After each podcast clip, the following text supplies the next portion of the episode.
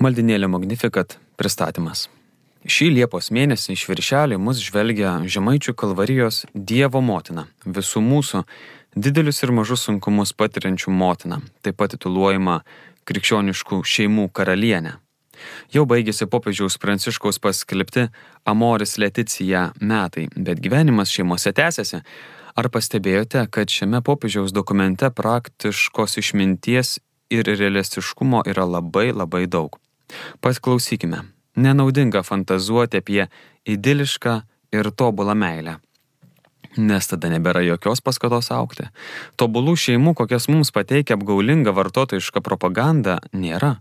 Santokinis džiaugsmas išgyvenamas net tarp skausmų verčia pripažinti, kad santoka yra būtinas džiaugsmo ir vargo įtampos ir atvangos, kančios ir išlaisvinimo, pasitenkinimo ir troškimo, susierzinimo ir malonumo derinys, tačiau visada kelyje į draugystę, kuris skatina sutuoktinius rūpintis vienas kitu.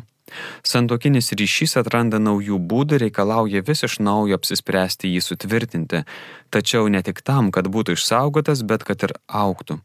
Jei šeimai pavyksta sutelkti dėmesį į Kristų, jis suvienyje ir apšviečia visą šeimos gyvenimą.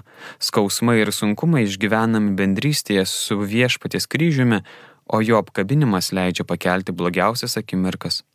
Karčiomis šeimos dienomis būtent vienijimasis su apleistu Jėzumi gali padėti išvengti santykio nutraukimo.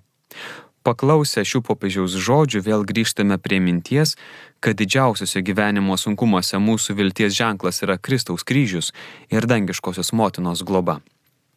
Tad semkime iš šio šaltinio melzdamiesi ir vasarą, ar lankytumėmės atlaiduose, ar ilsėtumės gamtos prieglopstį. Tikimės, kad Magnifikat maldinėlis padės jums išlaikyti maldos ritmą ir šiuo laiku savo išvalgomis kasdieną lydės Šventasis Ignacas Lojola, sveiko požiūrių į gyvenimo reikalus ir tikėjimo žinios kelbimo mokytojas. Plačiau apie jo gyvenimo momentus pasakoja Jūratė Micevičiūtė. Žemaičių kalvarijos Dievo motinos paveikslą, jo istoriją išsamei aptarė daktarė Dalia Vasiliūnenė. Liturgijos rubrikoje toliau gilinamės į šventųjų mišių dalis, šį kartą panagrinėsime patį mišių pasisveikinimą, jo tekstus ir prasmes. Popiežius Pranciškus šio mėnesio intenciją skiria maldai už pagyvenusius žmonės. Norėčiau Jums pasakyti, kad net vyresnio amžiaus žmonės yra bažnyčios dabartis ir ateitis. Taip, jie taip pat yra bažnyčios, kuri kartu su jaunimu pranašauja ir svajoja ateitis. Todėl taip svarbu, kad vyresnio amžiaus žmonės ir jaunimas kalbėtųsi tarpusavį. Kviečia popiežius. O vasara puikiausias yra laikas tokiems susitikimams tarp kartų. Apžvalga parengė Magnificat redakcija. thank you Naujame žodžio tarp mūsų Liepos rūpiučio numeryje gvildenama, kaip viešpatie stiprinami galime ištverti mums tenkančius išmėginimus, kokių nuostatų dėrėtų laikytis užkluptiems išbandymų ar tiesiog atėjus sunkiam metui, ko reiktų imtis. Ne vienas žmogus neišvengs išmėginimų, Tai gali būti paprasčiausi iššūkiai darbe, sunkumai šeimoje, pašlyjusi sveikata, nepritekliai, artimųjų netektys, avarijos, gamtos stichijų sukeltos nelaimės ar karai. Net Jėzaus prisikėlimas neapsaugojo krikščionių nuo kančios. Kiekvienam Jėzaus mokiniui vienai par kitaip teks kentėti. Tokia yra mūsų mokinystės kaina. Tačiau nenusiminkime, Jėzus yra su mumis Jis šalia mūsų, todėl net itin sunkiu metu galime būti tvirti ir stiprūs, garbinti Dievą ir liudyti, kad Jis gyvena mumise. Žodžio tarp mūsų skaitytojams siūlomos kelios praktikos, padedančios ištverti išbandymus.